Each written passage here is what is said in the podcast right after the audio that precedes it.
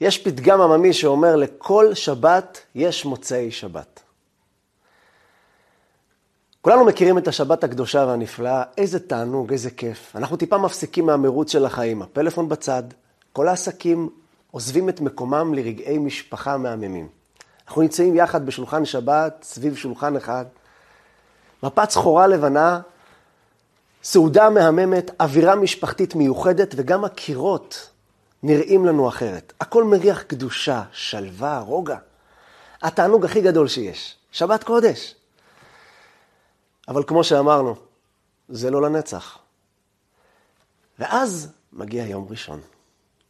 והיום הראשון הזה, שכולנו מכירים אותו, אני מאמין שחוויתם את זה לא פעם ולא פעמיים, שבו אתה בצניחה חופשית, אתה לא רוצה לקום בכלל. אתה אומר לעצמך, אחרי דבר כזה, מה אני עושה פה היום?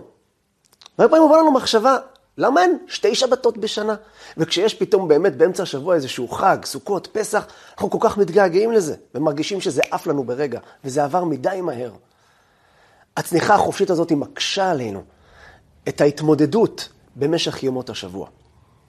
הריצות, הטירוף הזה שכולנו נמצאים לנו זמן, לא לעצמנו, לא לילדים שלנו, לא למשפחה שלנו, לא לפתח את הזוגיות שלנו, שום דבר.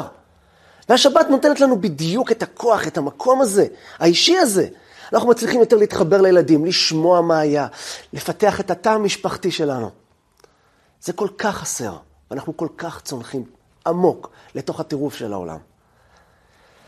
מסופר שהיה פעם יהודי שהיה בכותל, והוא פרס את ידיו לבורא עולם, והתפלל מעומק הלב שלו. יהודי שעמד לידו, שמע את הבקשה שהוא מבקש מאלוקים. והוא אומר, בבקשה, ריבונו של עולם, תעשה את מה שאני מבקש, אני כל כך רוצה את זה. אתה הרי כל כך אוהב אותי. אז אני מבקש ממך, בכל לשון של בקשה, תעשה לי פאנצ'ר.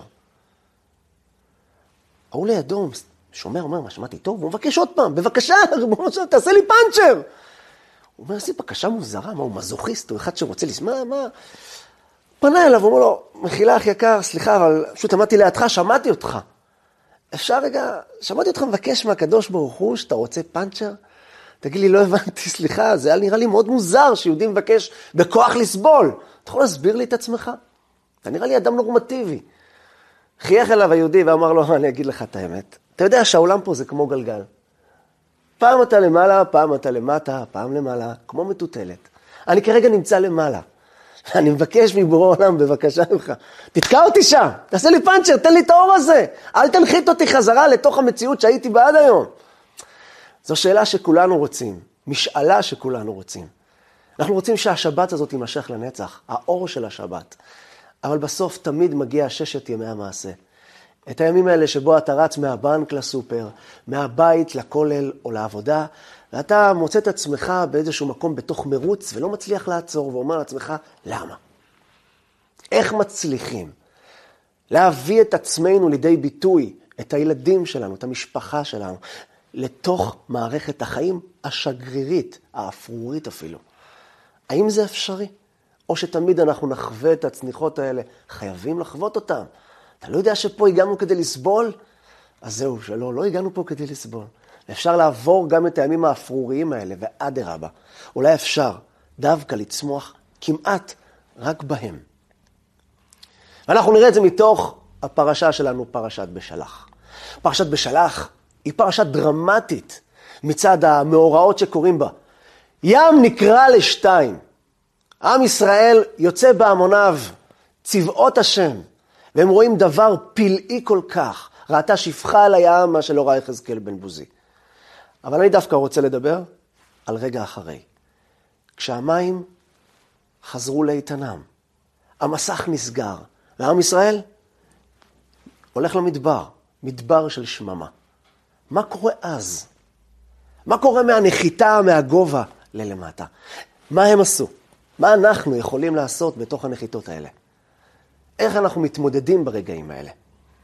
אנחנו ניקח את זה לתוך החיים שלנו, בעזרת השם בשיעור הזה, לחיי הזוגיות, לחיי, לקשר שלנו עם הילדים שלנו, לחיבור שלנו עם עצמנו. אנחנו נראה שזה גם כן קשור לחג הקטן הזה, החמוד הזה, שאנחנו בפתחו חג ט"ו בשבט. נבין שיש שם אותו מסר שהולך לכל אורך הדרך, על התמודדות ברגעי קרחת, רגעי קושי, אפרוריות ומשברים. יצאנו לדרך. פרשת השבוע שלנו, פרשת בשלח, התורה מתארת דבר באמת מופלא. מופלא בסדר גודל שכל אומות העולם, חיל אחז יושבי פלשת, אז נמוגו כל יושבי כנען, תיפול עליהם אימתה ופחד. זה שידד מערכות עולם, ים, ים שהולך תמיד כסדר, נעמד כמו חומה.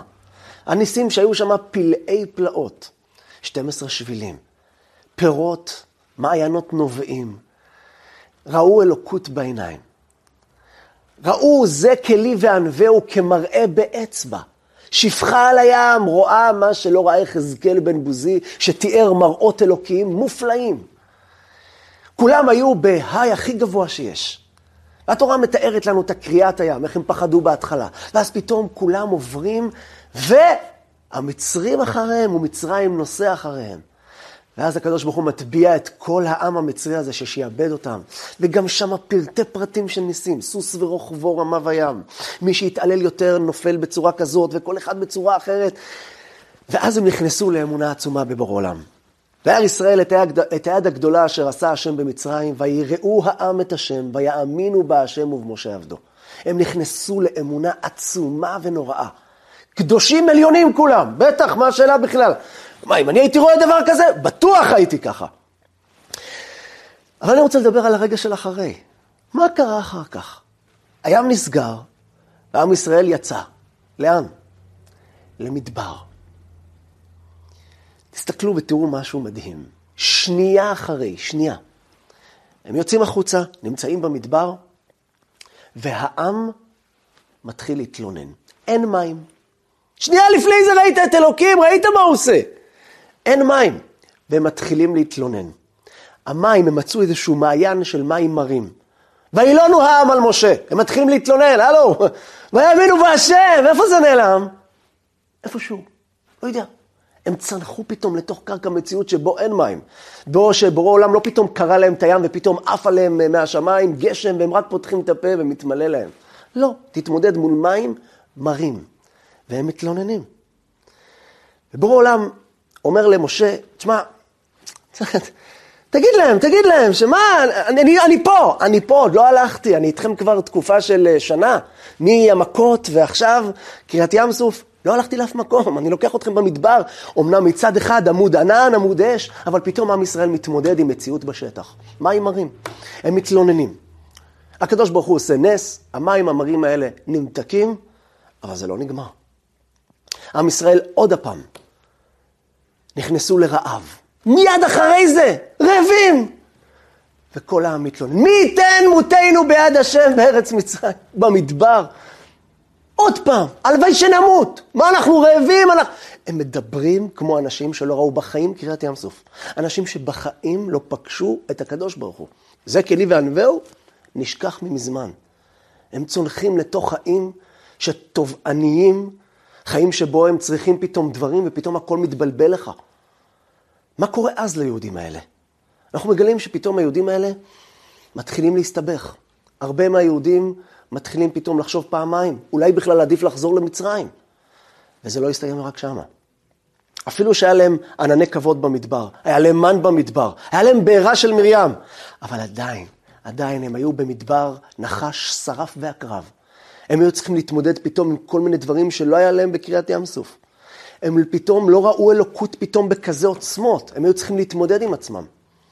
וזה לא רק זה, זה עובר אחר כך, ממש, לא הרבה זמן אחרי, על חטא העגל, קורח, מרגלים. הם רצו לסקול את משה, היה להם צמאון, קצת אחר כך, עוד הפעם. ומשה רבנו מתחנן לבורא עולם, עוד מעט תוסכלוני, הם הולכים להרוג אותו. וואו, מאיפה, איפה? איפה העוצמות האלה? מאיפה הטלטלה הזאת? איך פתאום כזאת צניחה חופשית? אז אנחנו צריכים לדעת שזה קודם כל זה ככה, כמו שדיברנו בפתיח, לכל שבת יש מוצאי שבת. אנחנו צריכים לדעת להתמודד עם המוצאי שבת. אבל למה זה ככה? למה התהליך צריך לעבור ככה? למה לא תשאיר אותי בקריאת ים סוף? למה שאתה לא, לא תשאיר אותי בורא עולם? אתה כל כך אוהב אותי? ראית איך אני מאמין בך? ראית איך אני אוהב אותך? ויאמינו בהשם ומשה עבדו. בוא תשאיר אותי עם ים כזה קרוע לשתיים. במטאפורה. מבחינתי לצאת, לצאת, אבל להגיע באותם אורות, באותם עוצמות. תראו, תמיד הקדוש ברוך הוא נותן לנו נקודות של אמונה ואור בתוך החיים שלנו. גם בתוך השגרה יש לנו את המן, יש לנו את הבעירה של מים, יש לנו את העננים. אבל פתאום דברים מתפקששים. למה? תן לי את האור הגדול הזה, תן לי את העוצמה הזאת להאמין בך, הרי אתה רוצה שאני אאמין בך. והאמת שאני מאמין בך, האמת שאני כל כך מאמין בך, הנה תראה ראית, אני מאמין באמת. זה לא היה משחק ויאמינו בהשם משה עבדו, זה כתוב בתורה. אז למה לא להשאיר אותי ברמה הזאת? למה לא להשאיר אותי בעוצמה הזאת? אז אני זוכר שבעבודה, איפה שעבדתי, כמחנך, הרבה הרבה שנים, אה, לא היה לי יום חופשי. עבדתי כל השבוע. מצאת החמה עד צאת הנשמה. מיום ראשון עד יום שישי. שבת זה היום הרגיל, היחיד שבו הייתי נמצא בביתי, כלומר, כל היום. והיה מדהים בשבת. ואמרתי לעצמי תמיד, ודיברתי עם עוד חבר'ה מצוות ההוראה, תמיד כולם אמרו, כן, אתה צודק, גם אנחנו היינו עושים את זה. אם היו נותנים לי יום חופשי, אמרו לי, תשמע, מיום ראשון עד יום שייקח יום אחד, איזה יום הייתי לוקח? כל מי ששאלתי אמר לי, יום ראשון. למה? ביום ראשון אני נוחת לחיים פתאום. יש כאלה אומרים לך, תשמע, זה החמין. החמין, החמין יושב לך פה, אתה... זה לא החמין. גם בשבתות שלא אכלתי חמין. יום ראשון הוא יום קשה. הוא יום קשה בגלל המטוטלת הזאת. המעבר החד הזה, מאור אלוקים, נשמה יתרה, עם כזה עוצמות של קדושה, כזה אור נפלא, אתה נוחת פתאום ליום ראשון, יום אפרורי ורגיל, ושאתה יודע שמחכה לך עוד חמש כאלה. אתה נשבר לרסיסים. גם הילדים, דרך אגב, איפה שחינכתי, ראית עליהם ביום ראשון, קצת אחרת. קשה להם. למרות שהם לא יודעים תמיד להסביר למה זה קשה להם ככה. אבל זו הייתה מציאות. המציאות הזאת של יום ראשון היא מציאות שפוגשת אותנו הרבה פעמים. היא מציאות שאנחנו באים ושואלים אחר כך, למה? למה בורא עולם? למה לא להשאיר אותי בשבת? באור הזה של שבת. אבל אני בטוח שגם הקדוש ברוך הוא נהנה מאיתנו בשבת. גם הוא נהנה, אנחנו נהנינו, גם הוא נהנה. איך אנחנו איתו יחד? איך אנחנו אה, שומרים את השבת, מכבדים את השבת, מכבדים אותו. אז בוא תשאיר אותנו שם. אבל שימו לב, אותו דבר היה בדיוק עם עם ישראל. משה רבנו, מיד אחרי קריאת ים סוף, כתוב, ויסע משה את בני ישראל מים סוף. מה זה ויסע? הם לא נסעו. היה צריך למשוך אותם משם. ויסע. בגלל שהם לא רצו באמת לצאת משם. הם רצו באמת להיות בים סוף. מה יש לך בים סוף? כבר כל המצרים מתו. מה זה ויסע? תראו, עם ישראל היה בהלם ממה שהוא ראה. הוא פתאום הגיע מכזה אור גדול. הוא רצה להישאר שם. הם היו עם של עבדים, עם שלא ראו שום גילוי אלוקות. הם היו חיים בתוך אה, השפלה, רצח, שרמסו ודרכו עליהם והשפילו אותם. ופתאום הם רואים שנה שלמה של מכות. דם צפרדע, קינים, ערוב, דבר, שכין, ברד, הרבה, חושך, מכת בכורות. מצרים יוצאים, נוסעים אחריהם והם טובעים בים, ולהם נקרא ים. הם רואים גילויים כאלה, הם לא רצו לעזוב את זה בכלל. ויסע משה את העם. אמר להם, חבר'ה, בואו תקשיבו לי. כאן זה לא המקום שבו אתם צריכים להיות. מה, אנחנו לא צריכים להיות בכאלה גילויים אלוקיים? אולי כן, אבל ממך, לא מאלוקים. אתה קיבלת פה אור, יקירי וחביבי. זה לא שלך. אתה לא באמת שם. אני רוצה אותך מגלה את אלוקים. אני רוצה אותך קורע את הים. אני רוצה שאתה תאמין בשם. כשזה מגיע לא ממך, כשזה מגיע מאור אלוקי, זה לא באמת משנה אותך. אתה לא באמת משתנה. ניקח את זה כמו אריה. אריה הוא ענק, גדול, ואני פתאום, הוא מגיע לקראתי ואני מהמם אותו. אני נותן לו איזה שוק חשמלי. ברגע ההימום, הוא פתאום נראה לי כמו איזה דרדה לארנבת כזאת. הוא מסתכל עליי, האם עכשיו הוא אריה או לא?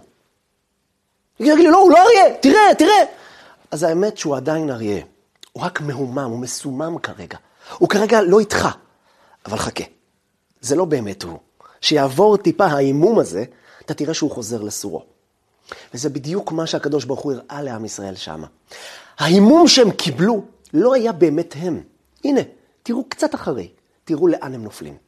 הם נופלים, וירק... הם רוקדים סביב עגל זהב. חטא המרגלים, חטא אמנם זה היה דור מיוחד.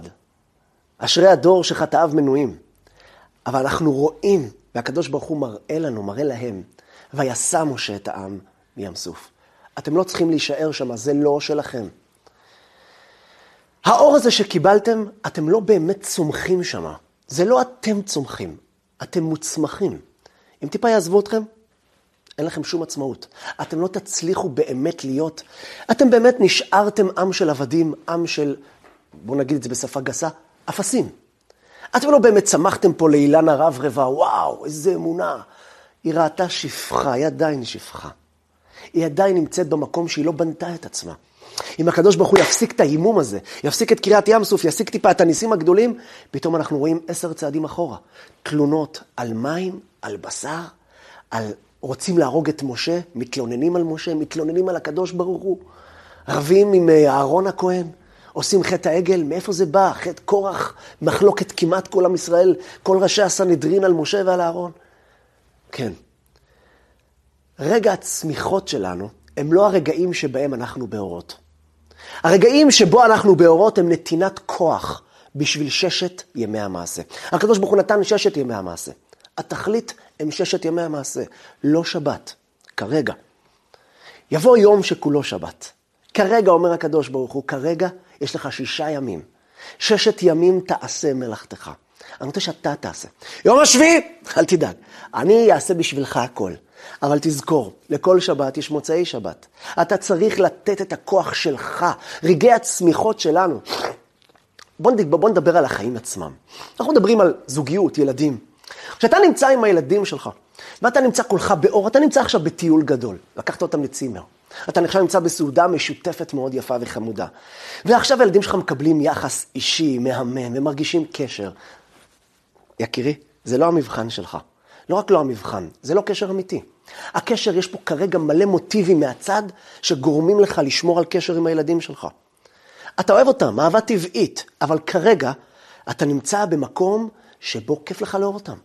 אתה נמצא באווירה משפחתית מהממת. הכל כל כך מסביב מושלם, תפור, לפי מידה. הכל בול לתוכניות שלך. ואז מגיע איזה סתם יום כזה. אתה חוזר הביתה, סחוט מעבודה. והילד שלך מגיע עכשיו מהתלמוד תורה, מהבית ספר, ואתה, אין לך כוח אליו. הוא מגיע אליך בחיוך, אבא, תראה את העבודה שעשינו. ואתה מסתכל, די, תעזוב אותי, די. רגע, איפה המהמם הזה, הקשר עם הילד שלך? הוא נעלם ומתנדף כשמגיע יום אפרורי. אז איפה אתה באמת? ביום של החינגה המשפחתית אתה מסומם, אתה מהומם, אתה כרגע לא אתה.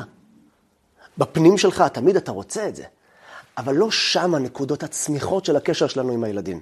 מי שחושב שהוא בונה את הקשר שלו עם הילדים בשבת וכל השבוע מזניח אותם, זה לא קשר אמיתי עם ילדים. ילד צריך אותך בששת ימי המעשה, בימים האפרוריים שלך, בסתם יום. אדם שרוצה לבנות את הזוגיות שלו עם אשתו ואשתו איתו, זה לא עובד. תשמע, יום הנישואין שלנו, אז אנחנו, וואו, יש יום הולדת, עוגת יום הולדת. זה מאוד חשוב, זה נתינת כוח לזוגיות שלכם. אבל שמה זה הזוגיות.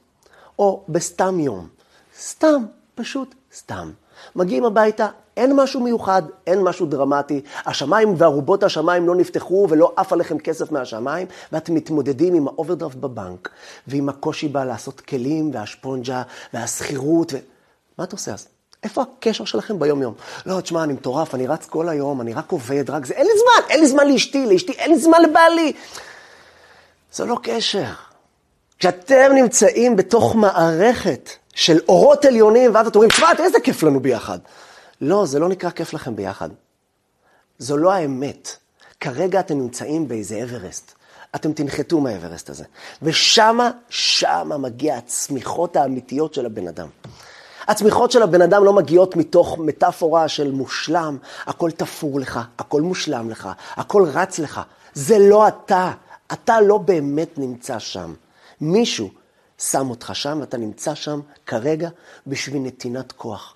נכון, אנחנו צריכים את הכוחות האלה. אנחנו צריכים את הרגעים האלה גם לארגן לעצמנו גם באמצע השבוע, רגעים מהממים. רגעים שבו אנחנו אה, עושים דברים שיעשה לנו חיזוק הקשר עם הילדים שלנו, עם הזוגיות שלנו, עם, האנש, עם החברים שלנו, עם עצמנו, עם החיבור הפנימי שלנו. אבל בסוף אנחנו יודעים שיש ימים אפרוריים ותמיד יהיה לנו. לכל שבת יש מוצאי שבת, לכל שבת יותר נכון יש יום ראשון. ואת היום ראשון הזה אנחנו צריכים לדעת להרים אלינו החוצה. כי היום ראשון הזה הוא מה שאיתו אנחנו צומחים.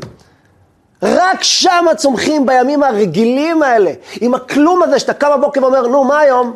מה היום? אתה לא מחובר לעצמך, אחי יקר. מה זה מה היום?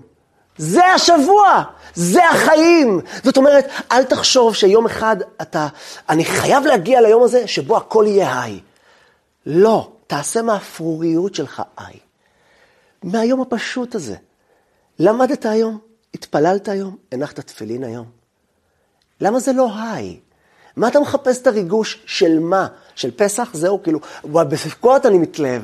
אני מחכה רק לסוכות, רק פורים. זהו, אתה חי מחג לחג?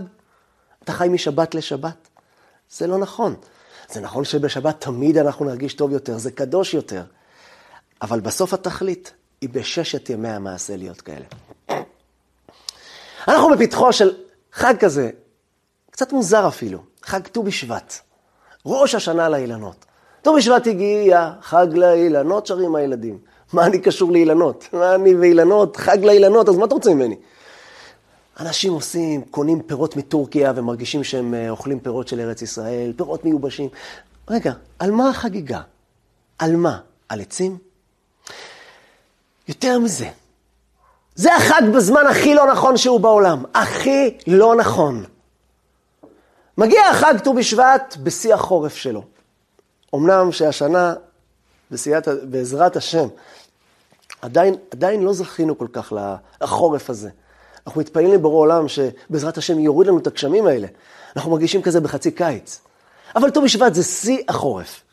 העלים נשרו, העץ מקורח, בחוץ שלג כפור, הוא מתנענע ברוח, ברוח סוערת, ואומרים לו, טוב בשבט הגיע, מה, מה חג, איזה אילנות, הכל פה מקורח, אין פה כלום. אין פה כלום פה, על מה אתה מדבר? אין שמש זורחת, הכל אפור, הכל סתם. למה אתה חוגג עכשיו? הגמרא אומרת במסכת ראש השנה, גם בדף י"ב עמוד ב' וגם בדף י"ד, אומרת הגמרא שעלה השרף באילנות. מה זה עלה השרף באילנות? עלה השרף, מה זה השרף? מה, הנוזל הזה שאנחנו רואים בחוץ? לא. רש"י מסביר בראש השנה בדף י"ב, שמדובר על שרף שנמצא בתוך מערכת ההובלה של העץ, והוא חודר לפירות, והוא מגדל אותם. יש לו כוח צמיחה. השרף עולה באילן פנימה, במערכת ההובלה של העץ, ואז מתחיל בט"ו בשבט העסק, ואז מתחיל פה תהליך שבניסן, שאז נראה לנו החג הכי מתאים לעשות את זה בניסן, אז הכל פורח ומלבלב. אז מה שאתה רואה, התחיל בט"ו בשבט. המסר שלנו הוא לא פחות ממדהים. העץ הזה נמצא עכשיו בשיא השפל שלו. הוא נמצא בסתם ימים. הרבה ענפים שלו, חלשים, זזים הצידה, נשברים. יש עצים שגם נשברים לגמרי. זהו, התייאשו מהחיים. די, איזה רוחות יש פה. והם מקורחים לחלוטין, אבל יורד עליהם גשם. אומר לנו החג הזה, תקשיב, תשקה, תשקה, תשקה את הימים האפרוריים שלך, את הימים שהכל עף לך, הכל נושר לך. הפירות מזמן עזבו את העץ. גם העלים האחרונים כבר התנדפו להם ברוח. דע לך, שאם אתה ממשיך להשקות, מתחיל פה תהליך צמיחה עמוק בפנים. יש עץ, עץ במבוק. עץ במבוק הוא עץ ענק, עץ של 30 מטר גובה. כששותלים אותו, אז אתה משקה ואתה לא רואה אפילו פרחון קטן. שנה שלמה אתה משקה, אתה לא רואה שום דבר. ואז מגיעה השנה השנייה שאתה משקה, ושנה שלישית, ושנה רביעית, ושום כלום. אפילו פרח קטן לא יוצא מעץ הבמבוק. כלום, שום דבר, אתה רק משקה את המקום הזה. משקה ארבע שנים. ואז מגיעה השנה החמישית. בתוך שישה חודשים עץ הבמבוק עף לגובה של שלושים מטר. שלושים מטר גובה. אם אני אשאל מישהו, תגיד לי, בכמה זמן עץ הבמבו גודל אז? אה, שישה חודשים, שישה חודשים. זה לא נכון, הוא גודל בחמש שנים. אם הוא היה מפסיק להשקות בשנה השלישית, עץ הבמבוק לא היה גודל. יבוא יום ויש לך את הימים האלה שהכל פורח ומלבלב ועף קדימה, וגם 30 מטר וגם 100 מטר גובה בור עולם יצמיח אותך. אבל אתה צריך להמשיך להשקות. את הימים הרגילים שבו אתה לא רואה שום דבר. שום דבר לא עף לך לשמיים ואתה אומר, וואו, איזה תענוג, איזה כיף, זה מה שאני רוצה כל החיים. זה מאוד יפה לרצות ככה, אבל תעשה את זה בתוך ימים רגילים. עם ישראל, כשיצא ממצרים, הוא הגיע פתאום לכזה אור גדול, ופתאום כזאת נחיתה, הם התבלבלו. הם היו פתאום ב... וואו, מה קורה פה? הם התחילו להתלונן על זה, פתאום הם גילו שאת מה שכולנו יודעים, אנשים אומרים, אם אני הייתי בקריאת ים סוף, הייתי מאמין באלוקים. אם אני, בורא עולם, היה פותח לי את השמיים, ארובות השמיים היו נפתחים עליי, והיה לי בריאות ופרנסה וילדים, הכל מסודר לי, כמו מגע של כסף. אם היה לי פה איזה נס הזוי לגמרי, אני הייתי מאמין באלוקים. התזה הזאת היא מופרכת מהפרשה שלנו, מכל הפרשיות של אחר כך. האורות האלה זה לא אתה. אנשים שראו את קריאת ים סוף. פרשת בשלח הם לא קראו בבית הכנסת, הם היו שם. הם אלה שעברו את פרשת בשלח. והפרשיות שאחר כך, הם אלה שהיו פתאום נמצאים במצב הזה והתחילו להתלונן. ועשו כל מיני טעויות. וזה בסדר לטעות, אין אדם עומד על דברי תורה אלא אם כן נכשל בה אנחנו ניכשל. חבר'ה, אנחנו לא נגיע אף פעם פה בעולם הזה עד ביאת משיח למקום מושלם. אבל אנחנו צריכים להצמיח את עצמנו משם. שם אתה צומח. העם הזה, לא רק זה, אחר כך כשהוא הגיע לארץ ישראל, בכלל, גם המן מפסיק, גם העננים מפסיקים, גם בעירה של מרים מפסיק, תתחיל לזרוע לך ראש, לקצור. מה, תן לי להישאר במדבר, לפחות בקטנות האלה של הניסים היפים האלה. לא, גם זה לוקחים לך. כי בסוף, אתה צריך לצאת החוצה. בסוף, ששת ימי המעשה. מה אתה עושה בימים הרגילים שלך? איפה שם אתה קובע את העיתים שלך לתורה? לא באיזה, יש איזה שיעור מהמם של איזה רב אחד, אני חייב ללכת לשמוע. זה מאוד יפה, תלך, ברור שתלך. אבל לא כל יום יש רב כזה. מה אתה עושה ביום הזה? יאללה, אין לי כוח ללמוד. היום לא בשבילי קביעת עיתים, מה אני צריך את ה... עזוב. לא. שמה, שמה אתה צומח הרבה... הרב הזה ייתן לך כוח, הרבה כוח להתקדם בחיים שלך. כי אתה אוהב אותו, כיף לך לשמוע אותו. אבל הוא חייב להיות נתינת כוח למשהו אחר, לצמיחות שלנו. כשאנחנו רוצים לפתח עם קשר אישי עם הילדים שלנו, הצמיחות קורות ביום ראשון, שני, שלישי, רביעי, חמישי ושישי. שם הצמיחות האמיתיות. אנחנו צריכים למצוא לעצמנו את הדרך, גם להחיות את הימים האפרוריים האלה. אבל דבר ראשון, לדעת את האמת הזאת, שהימים האלה, אם אנחנו נסתכל עליהם כימי צמיחה, לא כימי משבר וקרחת, וימים שאנחנו מחכים להגיע לשבת, אלא נחיה היום את השבת. היום נעשה אותה שבת. יכול להיות גם על ידי פעולות שיעשו כיף. זה בסדר, אנחנו צריכים את זה, זה בדיוק המטרה. להפוך את היום הזה לטיפה יותר דרמטי, טיפה יותר חי, טיפה יותר צבעוני. אבל גם אם אנחנו לא יכולים כרגע לעשות איזה משהו מדי צבעוני, עדיין, אתה רוצה באמת הרי לצמוח. אתה רוצה את החיים שלך שמה. רק שמה אתה יכול לצמוח. הצמיחה מתחילה ברוח, בכפור. תשאלו את העצים, חג לאילנות. האילנות האלה זה אנחנו, כי האדם עץ השדה. זה המטרה שלנו בעולם. אז יצאנו ממצרים כבר, גם קראו לנו את הים, ועכשיו אנחנו נוחתים לעולם. נעשה את זה נכון, נחיה את הימים הרגילים שלנו, ושיהיה לנו שבת מבורכת, מתוקה וקדושה.